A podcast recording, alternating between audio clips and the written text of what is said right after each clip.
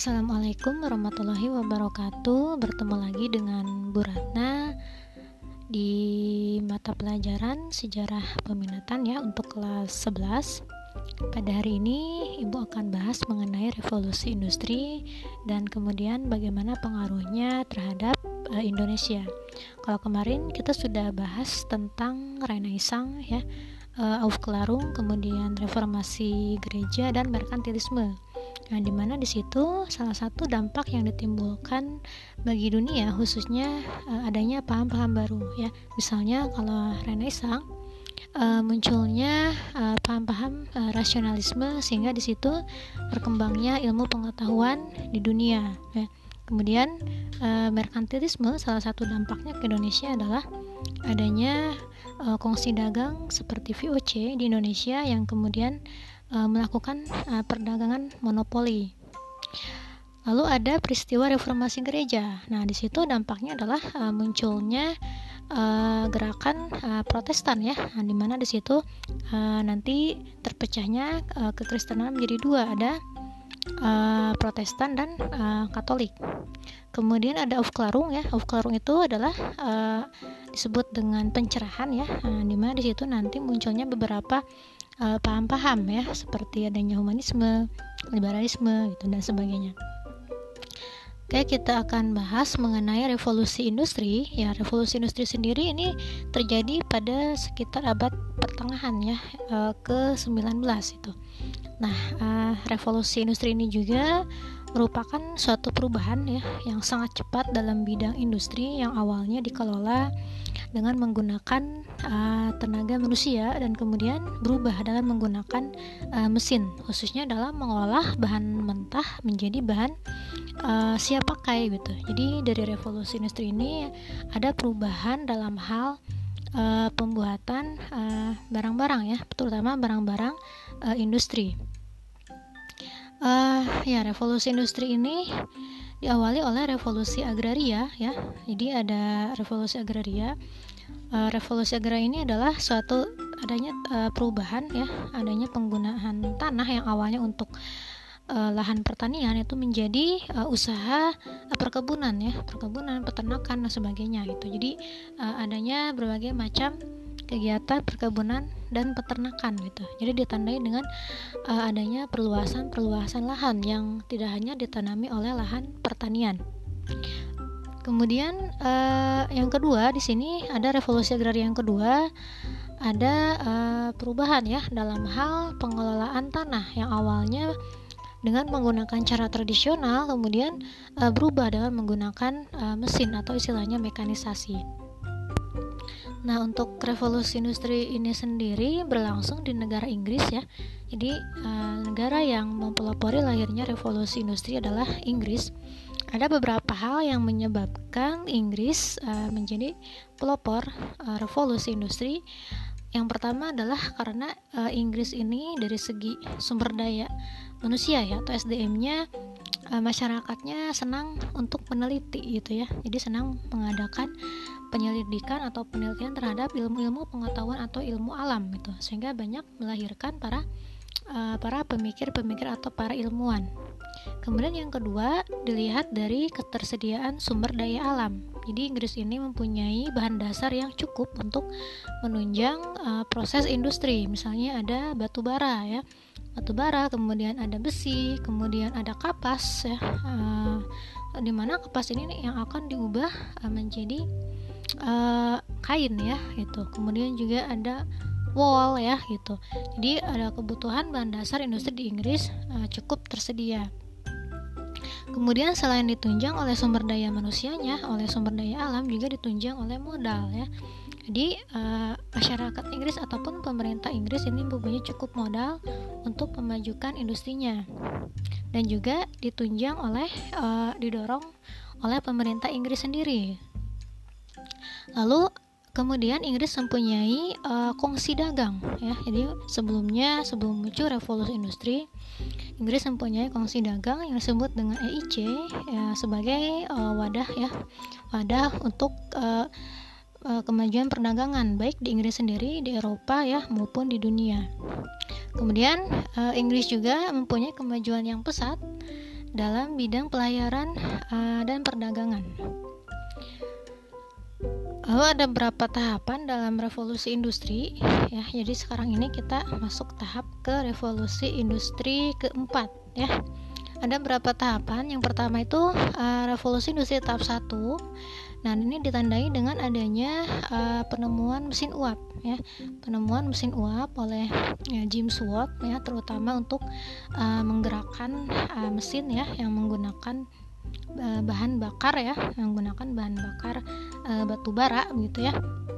Ini yang pertama terjadi di Inggris terutama uh, untuk penggunaan alat-alat uh, transportasi ya. Mesin uap digunakan sebagai uh, sarana untuk uh, sebagai sarana untuk transportasi ya. Kemudian berikutnya uh, revolusi industri tahap satu juga di sini ditemukannya mesin pintal. Mesin pintal khususnya di sini untuk memintal benang ya yang nantinya di, uh, menghasilkan kain ya sebagai bahan uh, industri ya. Kemudian yang kedua, revolusi industri yang kedua uh, di sini ditemukannya uh, teknik berupa mesin bermotor yang bahan bakarnya berupa listrik. Jadi revolusi industri yang kedua ini uh, uh, bisa dikatakan banyak ya banyak penemuan yang ditemukan pada saat itu uh, terutama uh, berkembang di Amerika Serikat dan di Jerman. Misalnya yang kita tahu ada telepon ya, telepon uh, ditemukan oleh Alexander Graham Bell, kemudian ada lampu pijar ya oleh Thomas Alva Edison kemudian juga ditemukannya pesawat terbang ya radio telegraf dan sebagainya gitu jadi kalau yang tahap kedua ini mulai uh, bermunculannya uh, teknologi dalam bidang komunikasi dan juga dalam bidang uh, sarana transportasi nah lalu yang ketiga revolusi industri yang ketiga ini ditandai oleh uh, penggunaan teknik kimia ya teknik kimia yang berbahan bakar atom atau uh, nuklir. Yang ketiga ini terjadi terutama berkembang pada masa uh, perang ya. Perang dunia 1, perang dunia 2 maupun perang dingin. Jadi berkembangnya uh, teknologi persenjataan.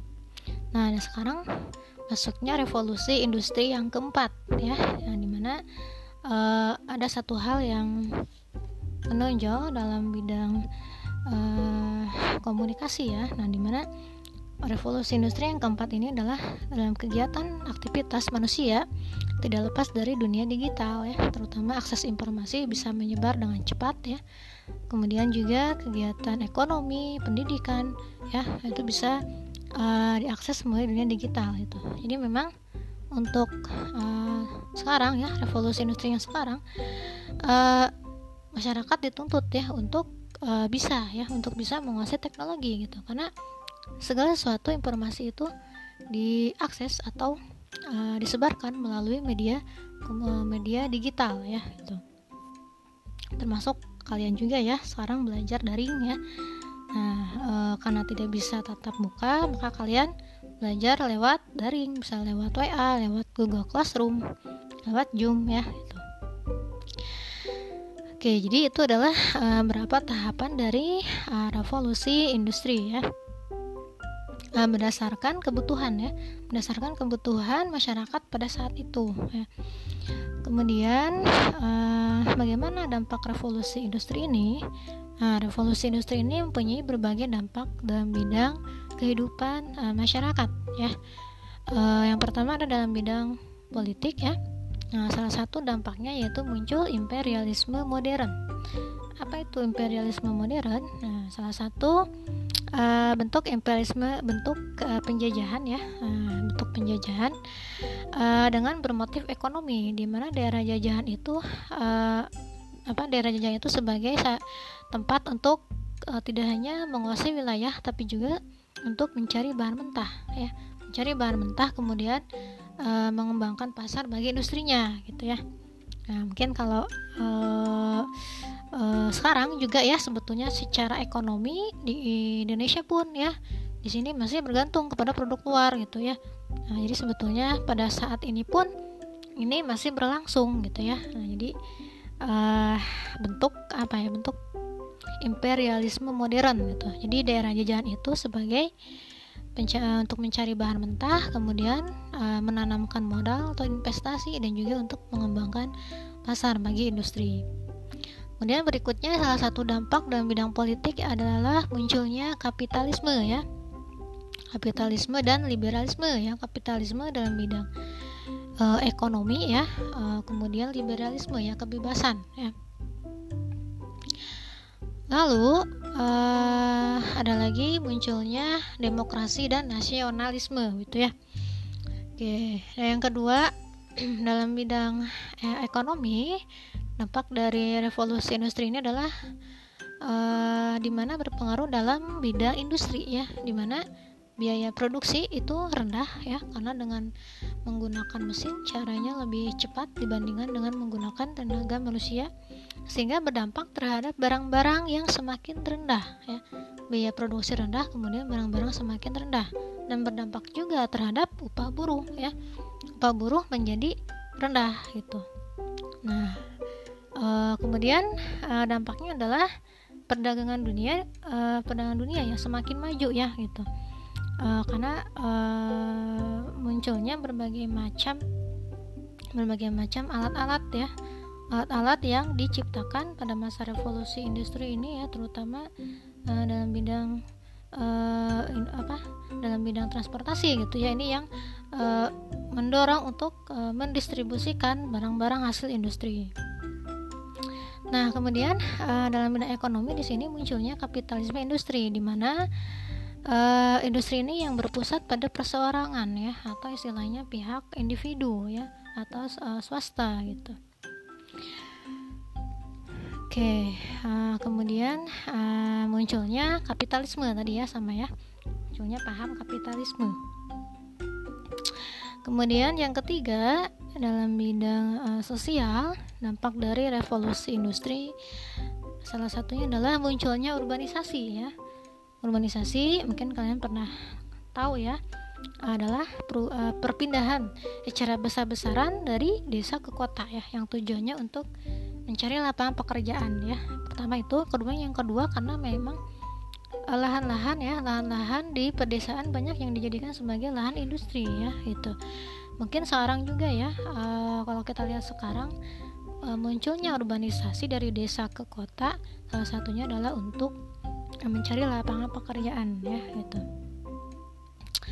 kemudian uh, berikutnya adalah dampaknya upah buruh menjadi kecil ya sehingga di sini uh, berdampak ya terhadap pemilik modal ya. Uh, ada dua golongan ya ada dua golongan pada masa revolusi industri ini. Dampaknya ada munculnya golongan proletar atau golongan buruh dan juga munculnya golongan kapitalis atau golongan kapital ya golongan pemilik modal ya. Sehingga di situ terjadi kesenjangan ya ada kesenjangan antara golongan buruh dan golongan majikan itu kemudian dampak yang lainnya adalah karena banyak di sini di antaranya berdampak terhadap uh, apa kondisi buruh ya. Sehingga di Inggris pada saat itu banyak uh, memunculkan kriminalitas kemudian juga banyak uh, munculnya pengangguran ya gitu. Uh, ini ada beberapa novel sebetulnya ada beberapa novel atau ada beberapa novel yang mengisahkan bagaimana dampak dari revolusi industri ya secara sosial di Inggris ya bahkan anak-anak di bawah umur pun dipekerjakan ya itu ya itu adalah salah satu dampak revolusi industri ya. Mungkin kalau kita lihat sekarang yang kita rasakan ya secara uh, dari industri ini adalah terutama dalam uh, revolusi industri yang sekarang yang keempat itu adanya perubahan perubahan uh, apa uh, kebutuhan ya, ya perubahan kebutuhan dalam kegiatan manusia di mana di situ melalui uh, melalui digital ya. Jadi akses informasi banyak diperoleh melalui dunia digital. Ya itu adalah sekilas tentang revolusi industri. Kemudian uh, bagaimana di sini pengaruh dari peristiwa penting di Eropa terhadap Indonesia? Ya sini ada beberapa pengaruh ya uh, pertama dari Renaissance ya dari Renaissance ini membawa dampak bagi Indonesia adalah munculnya penjelajahan samudra ya penjelajahan samudra yang dilakukan oleh uh, bangsa Eropa ya nah, sehingga uh, munculnya kedatangan bangsa-bangsa Eropa ke Indonesia itu sekitar abad ke-16 ya Nah awalnya tujuannya adalah untuk berdagang mencari rempah-rempah, tapi kemudian munculnya uh, kolonialisme dan imperialisme gitu. Ya.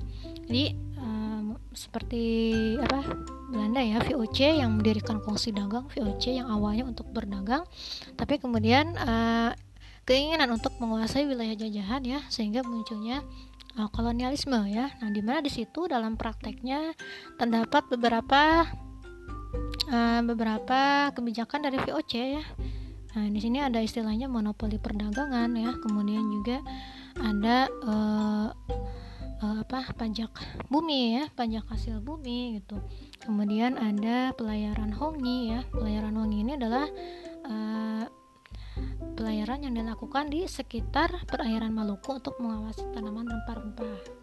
Kemudian ada uh, kontingenten ya tadi pajak hasil bumi kemudian ada verpflichte leveranti yaitu uh, uh, apa pemusnahan ya pemusnahan tanaman rempah-rempah yang melebihi ketentuan gitu. Nah jadi dampaknya adalah munculnya kolonialisme ya tadi oleh Belanda terutama VOC kemudian dampak yang lain di sini adalah uh, VOC masa VOC berakhir ya lalu masa Dendels. Di sini ada beberapa perubahan dalam bidang uh, dalam bidang pemerintahan masa Dendels ya Nah, di mana di sini mulai dibaginya Indonesia ke dalam beberapa uh, keresidenan, gitu ya, dalam beberapa keresidenan. Kemudian juga di sini pada masa Dendels memang ada beberapa hal ya, ada beberapa hal yang memberikan kemajuan bagi warga pribumi. Salah satunya adalah uh, pembuatan jalan ya. Pembuatan jalan pos dari Anyer sampai Panarukan ya. Uh, kalau kita lihat lewat Cadas Pangeran ya jalan Cadas Pangeran itu salah satu jalan yang dibangun pada masa Dendels ya jadi pembuatan jalan tersebut uh, ber, uh, bertujuan untuk mengangkut hasil bumi ya hasil bumi seperti kopi teh dan juga untuk memudahkan mobilitas tentara gitu. Jadi pada saat itu memang di Eropa sedang perang ya. Sedang perang di Eropa antara Napoleon Bonaparte uh, dari Prancis kekaisaran Prancis dengan uh, kaisaran yang ada di Eropa ya. Dan Belanda sendiri pada masa Dendels itu sedang berada di bawah Prancis dan secara tidak langsung Indonesia ya atau Hindia Belanda pada saat itu uh, sedang dijajah oleh uh, Prancis itu. Kemudian pada masa Raples. Nah, Raples ini uh, ketika Inggris ya. Nah, ketika jatuhnya Pulau Jawa ke tangan Inggris gitu ya. Nah, sini ada beberapa perubahan ya. Dampaknya adalah masa Raples ini uh, mulai diberlakukannya ekonomi uang yang ditandai dengan adanya sewa tanah ya, sewa tanah atau land rent. Di situ uh, mulai diberlakukannya uang ya. Jadi awalnya untuk sebagai pajak kalau pada masa VOC dan uh, siapa Dendels ya masih menggunakan hasil bumi ya atau istilahnya pajak in natura jadi pada masa Reples ini menggunakan uang ya nah tapi uh, di sini mengalami hambatan gitu ya. Karena tidak sepenuhnya pada saat itu pribumi meng mengenal uang ya. Nah, tapi sebelumnya memang sekitar abad 13 sampai 15 di Indonesia ya, pada masa kerajaan-kerajaan memang sudah diberlakukan uang pada saat itu ya. E, kita sebelumnya sudah e, mengenal berapa peninggalan-peninggalan berupa koin ya, koin uang kerajaan eh, kerajaan-kerajaan yang ada di Indonesia, misalnya ada kerajaan Aceh, kerajaan Samudra Pasa ya, tapi dari pemberlakuan uang ini kemudian diubah pada masa VOC ya dan pada masa Dendels dengan menggunakan barang ya. Nah, sehingga pada saat ini eh, ekonomi uang yang diganti dengan ekonomi barang ya eh, sudah lama bisa dibilang ya dari jangka waktu VOC ke Raples ini sekitar ratusan tahun itu ya sudah mengakar istilahnya ya kemudian masa Raples diberlakukan lagi ya ekonomi uang. Ini yang mengalami kendala itu kemudian ada beberapa uh, perubahan ya. Ada beberapa perubahan pada masa Arab Press tadi selain dalam bidang ekonomi kemudian di sini dalam bidang pemerintahan ya. Uh, yang awalnya sistem pemerintahan dilakukan oleh dijalankan melalui penguasa pribumi atau penguasa lokal ya masa seperti masa Dendels ya. Itu uh, dijalankan melalui penguasa lokal ya atau misalnya melalui kepala desa. Kemudian diganti menjadi sistem pemerintahan langsung ya atau istilahnya sistem pemerintahan kolonial ala ala barat Oke, kemudian ada beberapa dampak yang ditimbulkan juga dari uh, revolusi industri dan peristiwa penting di Eropa setelah masa Raples. Kemudian berakhirnya perang Eropa ya. Jadi di Eropa itu sedang berakhir, sudah berakhir ya. Sudah berakhir perang Eropa, Napoleonnya kalah, akhirnya jajahan-jajahan wilayah-wilayah yang dikuasai oleh Prancis dikembalikan lagi. Salah satunya adalah Hindia Belanda yang awalnya dijajah oleh uh, Belanda ya kemudian kemudian uh, masa Repres ya oleh Inggris. Lalu dikembalikan lagi ke Belanda ya itu ada perjanjian uh, London ya nah, ada kon melalui konvensi London atau perjanjian London. Oke ada beberapa dampak di sini. Perubahan uh, dalam bidang sosial ekonomi ya. Uh, yang pertama ada kultur stelsel atau sistem tanam paksa ya. Situ dampaknya adalah uh, munculnya ekspor ekspor-ekspor ke negara-negara di Eropa ya, terutama uh, terutama di sini munculnya komoditi-komoditi ekspor dari Indonesia seperti kopi, teh, tembakau ya. Uh, jadi udah muncul ekspor dan impor balik kultur stelsel ya Nah, tapi dari kultur stelsel ini mempunyai dampak juga ya, uh, baik bagi Belanda maupun bagi Indonesia. Bagi Belanda memang mengalami keuntungan, banyak keuntungan. Tapi bagi Indonesia khususnya di sini ada berapa dampak ya. Dampaknya yang pertama di sini adalah mengenai lahan pertanian. Jadi banyak ladang ladang yang terbengkalai ya, banyak masyarakat yang meninggalkan ladang pertanian karena uh, diwajibkan untuk menanam uh, sepertiga lahan untuk lahan perkebunan gitu. Sehingga banyak lahan pertanian yang tidak terurus ya. Kalau tidak terurus ya mungkin di sini dari uh, panen pun akan kurang gitu ya. Kalau panen kurang produksi padinya menurun maka di sini uh, akan terjadi kelaparan gitu ya. Sehingga dari tanam paksa ini karena banyak kekurangan bahan pangan banyak terjadi kelaparan salah satunya di daerah Cirebon kemudian di daerah uh, Lebak ya. Oke, kemudian juga di sini uh, dari kultur stasel selain munculnya bahaya kelaparan, bahaya kemiskinan ya, ada hal-hal yang uh, baru bagi bangsa Indonesia pada waktu itu adalah dikenalnya uh, sistem pengairan ya, uh, sistem pengairan dan juga sistem ekonomi ya di mana dikenalnya komoditi barang yang uh, diekspor ke luar negeri Oke, nah uh, satu lagi terakhir dampak dari revolusi industri ini nanti munculnya undang-undang agraria ya. Jadi undang-undang agraria ini adalah nanti dampak uh, dampaknya uh, munculnya uh, perusahaan-perusahaan swasta ya atau pengusaha-pengusaha swasta terutama dari Eropa ya dari Belanda ya yang menanamkan modalnya di uh, Indonesia ya itu jadi munculnya perkebunan-perkebunan swasta uh, Belanda yang ada di Indonesia gitu. Ya itu uh, beberapa dampak dari uh, pengaruh peristiwa penting Eropa yang ada di Indonesia ya. Demikian yang dapat ibu sampaikan Ya, terima kasih. Assalamualaikum warahmatullahi wabarakatuh.